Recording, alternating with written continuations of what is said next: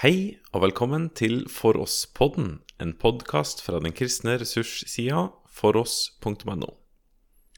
Denne episoden er et taleopptak fra avslutningsmøtet på For oss-konferansen 2019.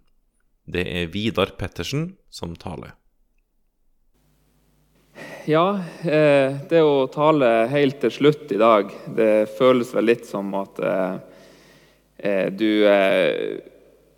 Det er noen som skal servere et tolvretters måltid, og så har du fått i oppdrag, oppdrag å lage siste retten. Eh, for det første så er jo ikke folk nevneverdig sultne lenger. Kanskje i dette tilfellet ganske mett. Eh, og så skal det godt gjøres å lage noe helt originalt. Um, men eh, det er noe eh, Ja, om det er middels god eller god mat, så kan det likevel fordøyes. Så kanskje det er noen som tåler litt mer før dere eh, reiser hjem. Um, så eh, Ja. Men um, jeg er for så vidt vant til at det er noen som ikke følger med. og sånn, så hvis dere speiser ut, så blir jeg ikke fornærma. Um, for dere som ikke kjenner meg, så heter jeg Vidar Søyland Pettersen. Jeg eh, er 34 år. Kommer egentlig fra Senja oppe i Troms, men eh, til daglig så jobber jeg som sogneprest eh, på Rognan, som er liksom langs E6-en inn sånn cirka der med Bodø, hvis dere er helt ukjent i geografien i Norge. Og eh, jeg er 34 år, jeg vet ikke om jeg sa det, og, og så er jeg gift med Wenche og har eh, to små gutter. En eh, som heter Aron, som er to år gammel, og en som heter Samuel, som er tre måneder. Og som akkurat har begynt å gi seg med sånn her kolikk. Så det har vært eh, mye gudstjeneste på hjemmebane, for å si det med det språket som vi lærte i dag.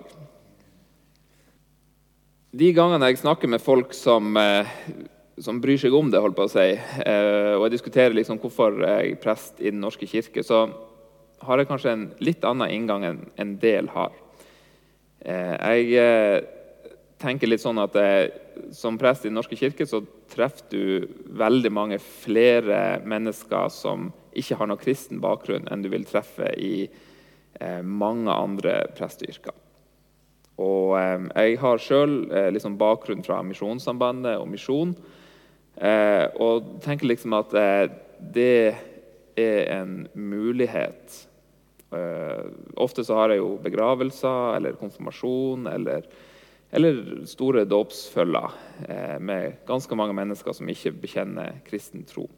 Og Jeg tenkte på det etter denne panelsamtalen i går. at mm, om, om, det å grave litt dypere, at kanskje det fin, finnes en måte å grave litt dypere som ikke har blitt nevnt. da, eh, Nemlig den å eh, forsøke å formidle evangeliet på en måte som er forståelig til mennesker som ikke kjenner Jesus, og som ikke kjenner evangeliet i det hele tatt.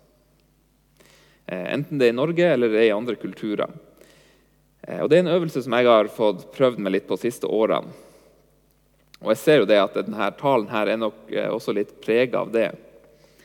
Ehm, men kanskje det også kan hjelpe å fordype seg eh, i de sannhetene som man lett regner som selvfølgelig hvis man har vært kristen lenge. Og det har faktisk betydd litt i, i mitt gudsforhold. Ehm,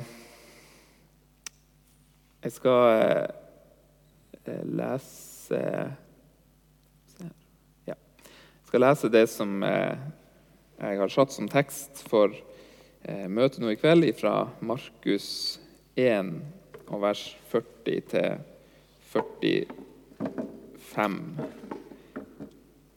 Ja. En mann som var spedalsk, kom til han, falt på kne og ba om hjelp. Om du vil, kan du gjøre meg ren. Jesus fikk inderlig medfølelse med han, rakte ut hånden og rørte ved han. Jeg vil, sa han, bli ren. Med det samme var spedalskheten borte, og mannen ble ren. Jesus talte strengt til han og sendte han straks bort. Se til at du ikke sier et ord om dette til noen, sa han. Men gå og vis deg for presten og bær fram de offer for renselsen, som, øh, renselsen din som Moses har påbudt. Det skal være et vitnesbyrd for dem. Men mannen gikk av sted og ga seg til å fortelle det som hadde hendt, og gjøre nyheten kjent vidt og bredt. Derfor kunne Jesus ikke lenger vise seg i noen by.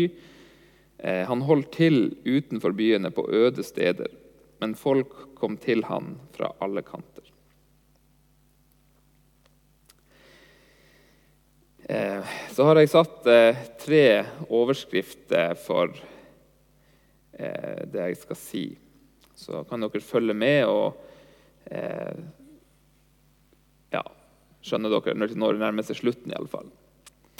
Eh, det første er at Jesus han møter oss som hele mennesker. Det andre er at Jesus ønsker å gjøre oss til hele mennesker. Og det tredje det er at Jesus ønsker vi skal møte andre som hele mennesker. Um,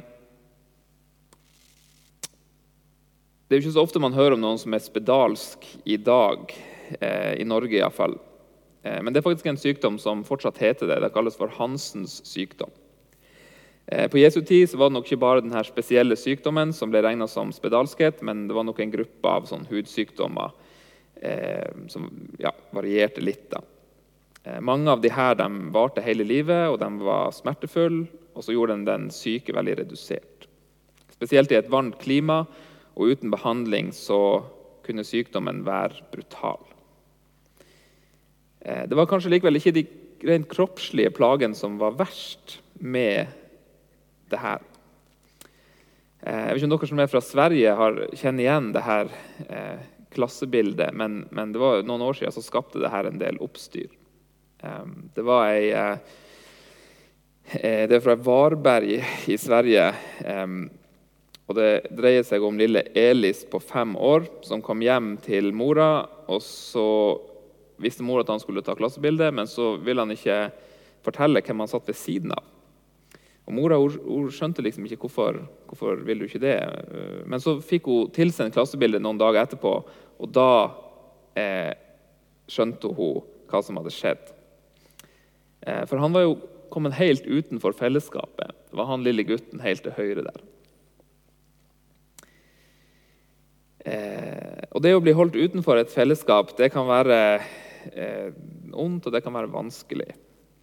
Eh, man trenger ikke være så veldig gammel for å oppleve det. Eh, og, og det her, I sin tid så skapte dette bildet mye engasjement.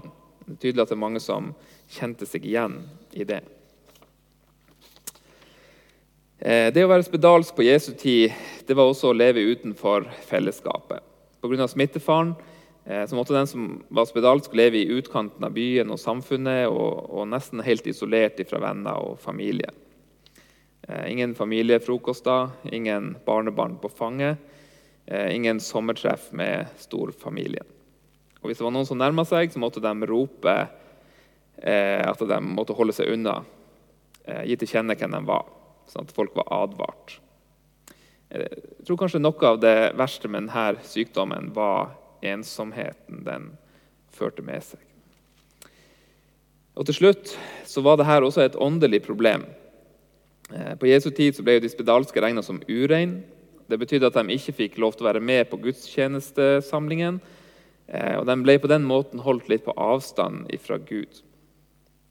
Så I tillegg til de fysiske plagene så måtte de leve på avstand fra familie og venner og også Gud.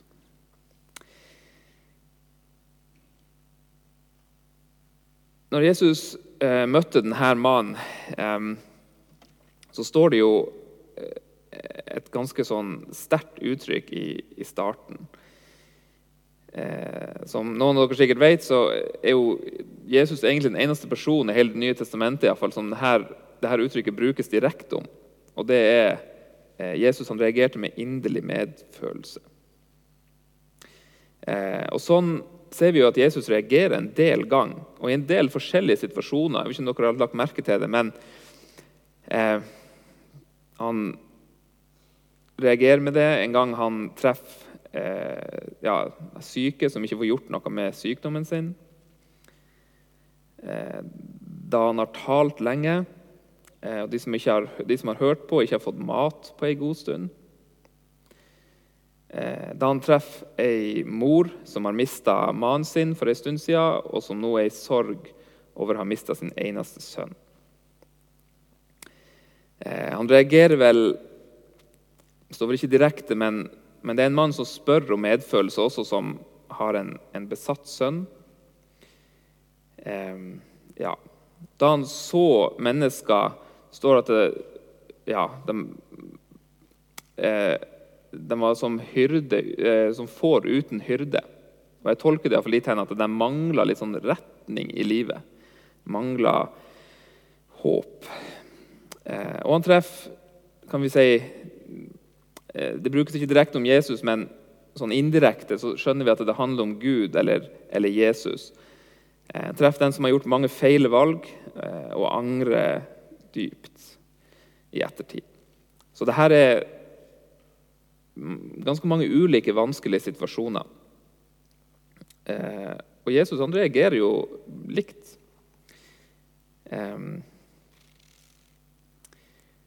og, og, Sånn er det jo egentlig for oss òg, at livet det har noen vanskelige og, og, noen litt mindre vanskelige situasjoner å by på. Eh, og da, da Jesus, når Jesus møter oss i det, så, så reagerer han jo likens. Eh, og, og, egentlig kan vi si at han, han kjenner det på kroppen. Ja. Og, og, og, sånn eh, skal du tenke at eh, Jesus møter deg òg. Eh, hvis det er enten det er noe fysisk som plager deg, en, en eh, sykdom eller et eller annet, eller det er noe følelsesmessig som du syns er vanskelig, eller det er et åndelig problem som du har. Eh, og Når vi ber i Fader vår, gi oss i dag vårt daglige brød, så er det jo egentlig alle de her tingene vi ber om. Vi ber om fysisk mat og det vi trenger sånn fysisk for livsoppholdelse. Vi ber om hjelp til følelsesmessige behov, og vi ber om hjelp til åndelige behov. Vi trenger alt. Eh, og Han ser det, og han vil hjelpe oss med det. Og så er det jo sånn at Jesus han er jo ikke bare opptatt av å følge med. Eh, men han ønsker, ønsker, også å gjøre noe med problemene. Og I møte med den spedalske så sier han, sier han, jo, når han spør om han kan gjøre han frisk, da, så sier han 'Jeg vil bli ren'. Eh, han ville det. Og Det forteller oss egentlig litt om hvem Jesus er, og, og hva han vil. Eh, og så er det ikke sånn at det er alt som løser seg her nede på jorda. Det kjenner dere jo sikkert til. Eh, men så er det, eh, vi har fått et løfte, vi som tror på han, at, at sånn skal det bli en gang. Det er faktisk det livet han ønsker for meg og deg. Så kan vi jo stille oss spørsmålet hvilken del av den spedalske var liksom Jesus mest eller minst interessert i? Kanskje noen syns det er litt teit spørsmål. Eh, men, men, jeg tenker egentlig det er litt legitimt, for er det like viktig for Jesus at han blir frisk fra sykdommen, som at han liksom havner i evigheten på den rette plassen? Og, og det tror jeg jo egentlig ikke. Eh, det ville iallfall vært en litt dum prioritering, tenker jeg. Eh, det står jo en plass at, om Gud eh, Og jeg tenker Jesus han, han står jo for det samme. Han som vil at alle mennesker skal bli frelst og komme til sannhetserkjennelse. Så han ønsker å gi han et evig liv. Og Samtidig så har jeg tenkt Jesus som ønsker at denne skal få et evig liv, det er jo han som møter han på denne måten, der han bryr seg like mye om kroppen og sjelen og, eh, og ånden. Eh, og det eh, tror jeg jo vi kan lære noe av.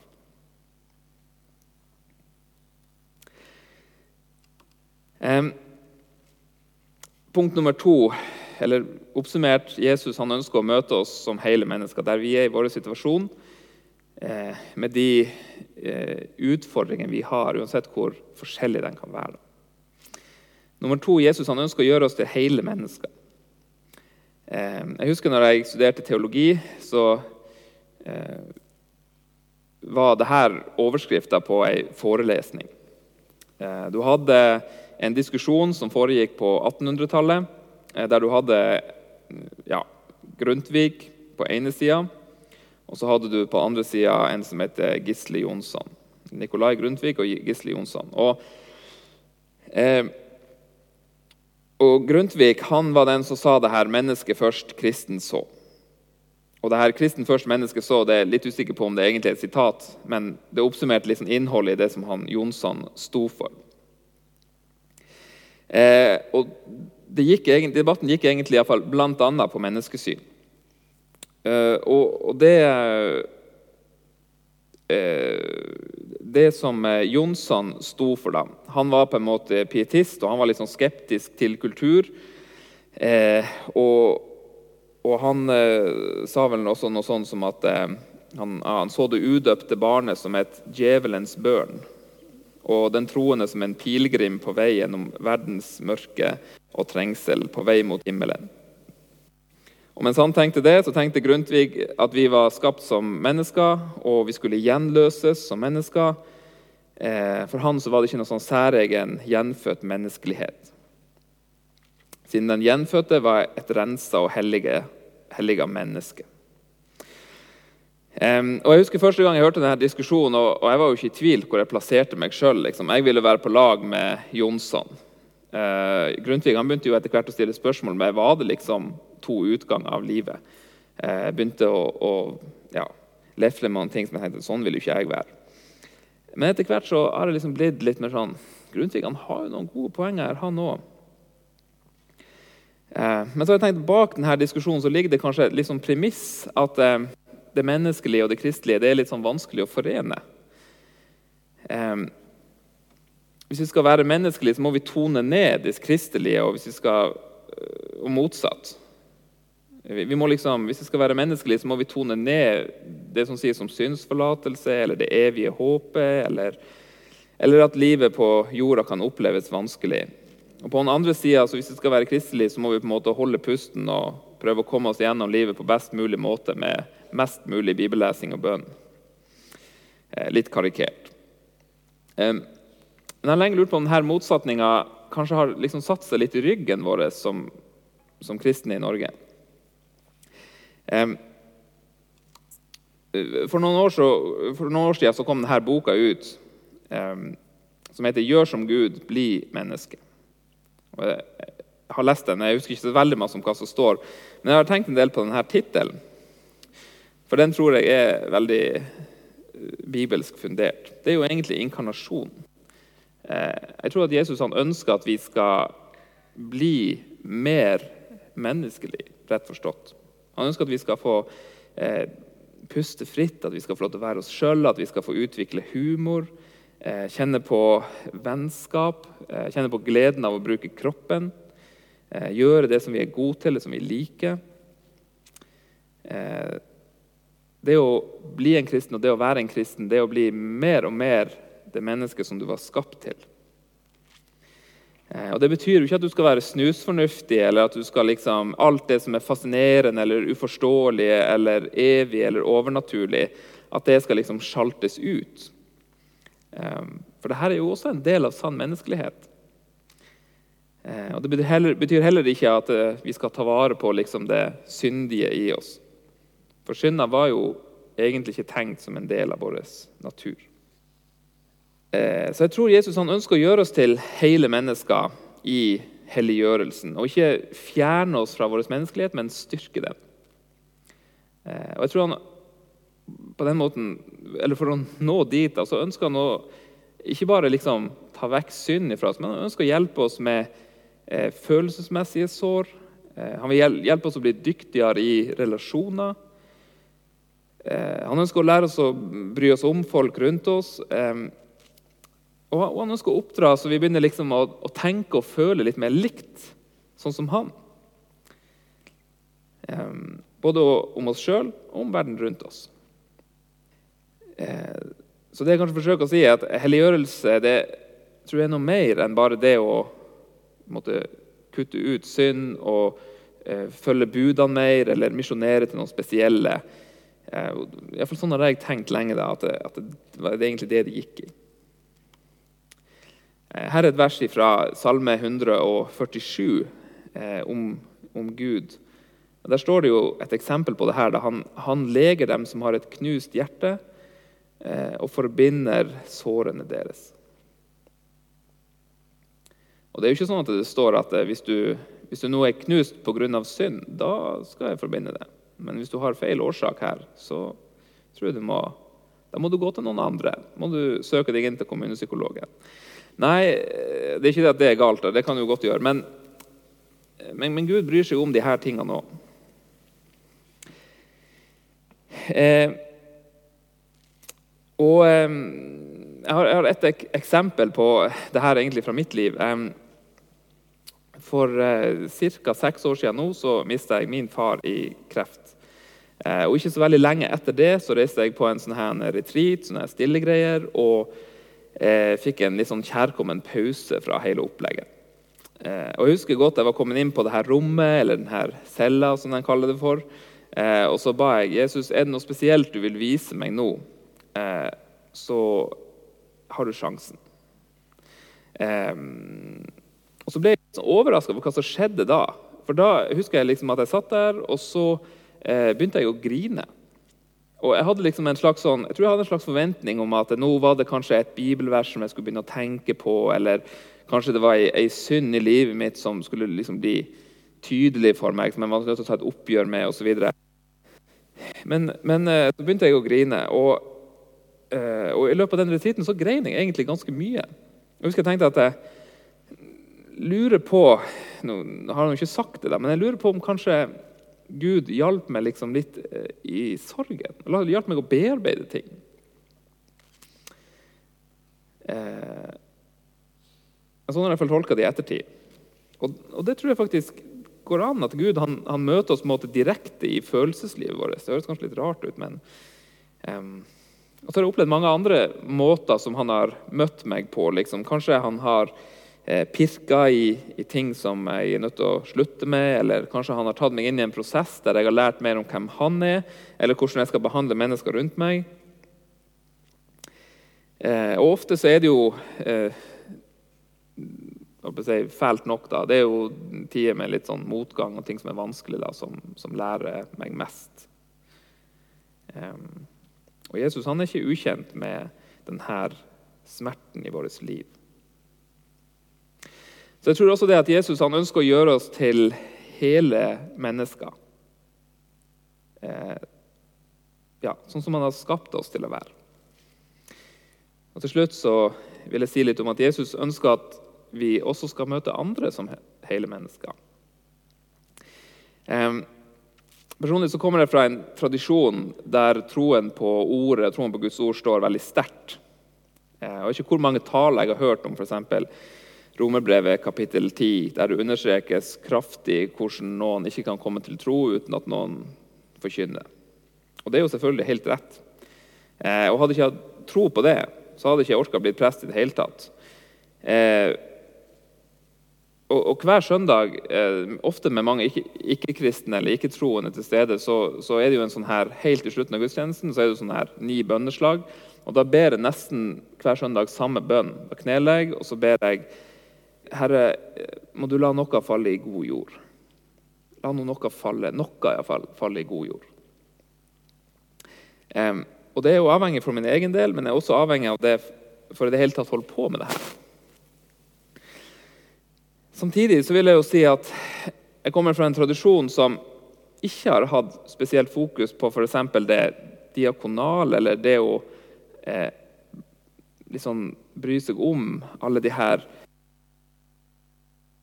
som alle har rundt, enten det er liksom følelsesmessig eller fysisk. Eller, og jeg vet at det er mange enkeltpersoner som har gjort veldig mye godt for folk rundt seg. Men, men det har ikke vært veldig masse snakk om det, og, og det har ikke vært veldig mye sånn organisert virksomhet rundt det.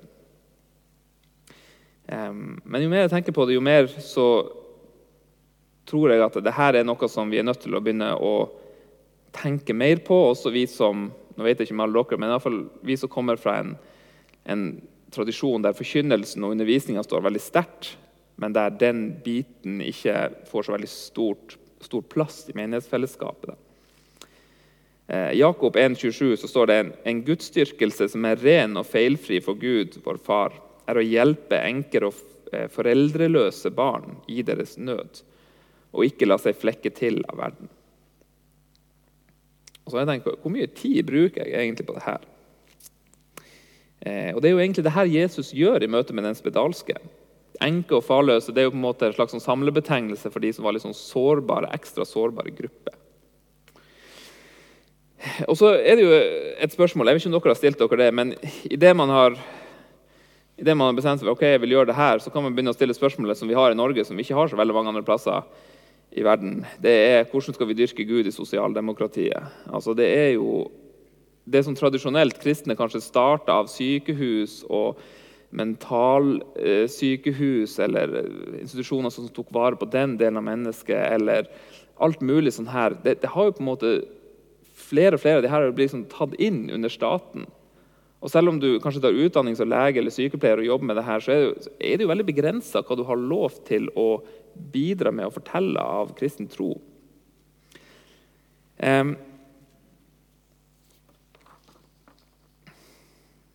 og um, Jeg tror fortsatt det er en del ting vi kan gjøre. Men vi har nødt til å begynne å tenke litt mer på det her, tror jeg. Eh, og vi kan for bare foreslå vi kan lage opplegg for eldre. Eh, det er det mange menigheter som gjør. Vi kan ha sorggrupper. Arbeid, arbeid, blant innvandrere. Hjelpe alenemødre. en ting som har blitt litt opptatt av i det siste, det er liksom å Klarer vi å skape fellesskap som, som kanskje kan ta imot litt av den ensomheten som vi vet befinner seg i samfunnet? Men én ting som jeg tenkte skulle si litt om til dere, bare for å velge én, eh, det er dagens ungdommer. For Jeg tror egentlig at de faller litt inn under denne eh, enker- og farløse-kategorien. De som er i en sårbar situasjon. Litt statistikk om ungdom. Statistikk er jo alltid gøy. vet dere hvor mange prosent av ungdommer i 14-15-årsalderen i dag som snuser daglig? 4% Vet dere hvor mange som røyker daglig?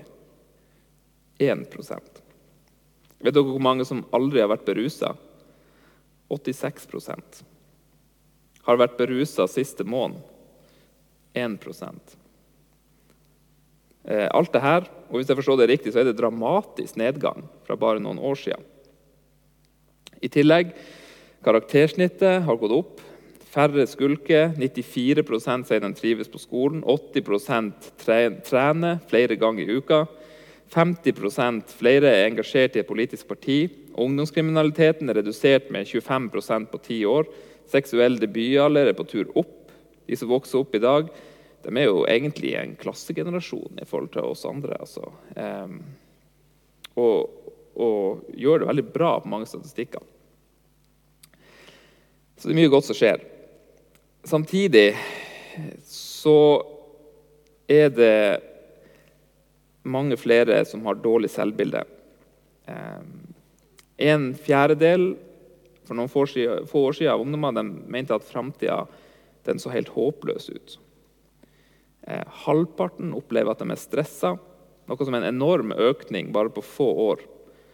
Eh, det er stadig nyhetssaker om det her, liksom, der folk knasker smertestillende som det var gummibjørner eh, for å behandle det her på seg sjøl. Eh, flere enn før opplever at livet bare er et slit. Eh, flere er misfornøyd med seg sjøl og måten de lever livet på. 50% flere enn bare for noen få år siden bruker medisiner mot depresjon. Og mange tar kontakt med psykisk helsetjeneste. Det er jo ikke helt sånn at det er svart liksom, men denne generasjonen som vokser opp nå, har noen utfordringer som jeg tror ikke vi helt klarer å forstå det. Eh, og iallfall jeg som har vokst opp eh, i et hjem der jeg har lært måte, både hvordan jeg skal tenke om meg sjøl, og, og bli møtt på en måte som eh, som tilsier at det er noen som er glad i meg og har en verdi. Jeg tror ikke jeg helt klarer å forstå hvor, eh, hvordan det er å, å, være i en sånn situasjon. Men hva er det som skjer? Jo, de som begir seg ut på å forklare det her, de sier iallfall at eh, litt av forklaringa ligger i et skyhøyt press om å lykkes med livet. Eh, det, er stadig flere som kjenner på ansvaret eh, og byrden av sitt eget liv. Ansvaret for å føle seg lykkelig, ansvaret for å være vellykka, ansvaret for å bygge sin egen identitet. Ansvaret for å oppnå urealistiske idealer, når, både når det kommer til kropp, skole og yrke. Og Flere de opplever egentlig livet som et sånn endeløst maraton, sier de. Um, og så I tillegg, som en bonus på det hele, så driver man på å sammenligne seg sjøl med andre i sosiale medier. Eh, og, og, det virker som at alle andre lykkes mye bedre enn meg. Bare for å komme med et eksempel på hvordan de eh, ja, På selvbehandling, da. Her er, jeg har tatt med et utdrag fra en, en blogg fra ei som presenterer seg, seg sjøl som life coach. Ei som heter Martine, eh, Martine Sorte. Eh, og eh, hun har jeg forstått det riktig, hun er ikke noe kristen eller har noen kristen bakgrunn. eller noe sånt. Eh, men det er veldig mange som ser dette problemet. Vi skal høre litt hva hun skriver når hun skal prøve å hjelpe folk. Hun skriver 16.8 skrev NRK om en studentundersøkelse som viser at nær én av tre studenter er ensomme. Noen er overrasket over statistikken. Det er ikke jeg. Eh, på nyttårsaften i 2016 åpnet jeg opp om hverdagsensomhet på VG. Jeg skrev om hvordan det var å være hverdagsensom for meg. Eh, eh ja Jeg skrev om hvordan det å være hverdagsensom for meg var å pynte på fasaden for å lure meg selv og andre. Det innebar å holde på med ekstra mye i hverdagen for å legge ensomheten til side. Over 300 mennesker tok kontakt eh, og fortalte meg åpenhjertig sine historier. Med alle historiene i den usynlige ryggsekken min satte jeg ut på en verdensreise. Delvis for å legge fra meg perfeksjonismen, og delvis fordi jeg ønsket å finne røttene til hvorfor så mange føler seg ensomme, isolerte og tilsidesatt. Hva kan jeg gjøre med det? To år senere hjelper jeg perfeksjonister å overkomme sine destruktive vaner og tankemønstre, slik at de kan leve livet på egne premisser og føle på ekte glede. Og så skriver jeg Røttene til perfeksjonisme er at vi ikke tror at vi er verdt noe nå. Akkurat nå i dette minuttet. Helt bevisst laget, eller ubevisst tillatt, en lang liste med verdighetskrav. Jeg blir verdifull når jeg får 5,8 i snitt. Jeg blir verdifull når jeg mister 20 kg. Jeg blir verdifull hvis jeg blir gravid. Jeg blir verdifull hvis jeg blir edru. Jeg blir verdifull hvis alle synes jeg er en flink forelder. Jeg blir verdifull når jeg kan leve av å selge kunsten min. Jeg blir verdifull hvis jeg klarer å være i ekteskapet mitt livet ut. Eh, ja, osv. osv. Eh, og så skriver hun etterpå vi er verdige kjærlighet og tilhørighet akkurat nå, akkurat i dette minuttet, som det er. Verdien vår har ingen krav. Verdifull nå, ikke hvis, ikke når. Eh, og Jeg sier ikke at dette er direkte fra Bibelen, men hører dere hvor likt dette høres ut som det bibelske menneskesynet? Jeg tror det er mange som undervurderer hvor mye tap av et kristent verdensbilde og menneskesyn har å si for dagens samfunn, eller hva en mangel på det vil føre til i menneskers liv. Eh, og Mange av de her de sier jo hvis de er noe de trenger, jo de trenger å snakke med dem og høre på dem, kanskje mest høre på dem, og som har tid til dem. Det er noe av det viktigste for dem, hvis de skal si det sjøl. Så her er bare en av de tingene som jeg tror vi kan hjelpe med, og som der vi kan få lov til å bety noe for mennesker i dag. Eh, kona mi hun er, hun er, turnuslege, og hun har akkurat gjort ferdig sånn her praksis i psykiatri. Og hun sier det at det er de aller tyngst ramma som kommer inn på eh, institusjonen av de, de, som sliter psykisk. De som, det er en stor masse nedover der. Fra sånn har det litt vanskelig opp til veldig tungt, der du kommer inn på institusjon. Det er voldsomt spenn der. Mange folk. Eh, så her tror jeg vi også kan bidra. For å oppsummere litt, så Da Jesus møtte mennesker, så brydde han seg jo ikke bare om at de skulle få synsforlatelse eller gi dem det evige livet. Eh, selv om jeg er overbevist om at han ville noe mye mer enn å bare gjøre dem friske og glade. Men han møtte mennesker som heil, og han viste omsorg for dem i alle deler av livet deres. Og Det tror jeg også vi er kalt. Og kanskje det vil gjøre sånn at vi kan føre flere med oss også inn i det evige livet.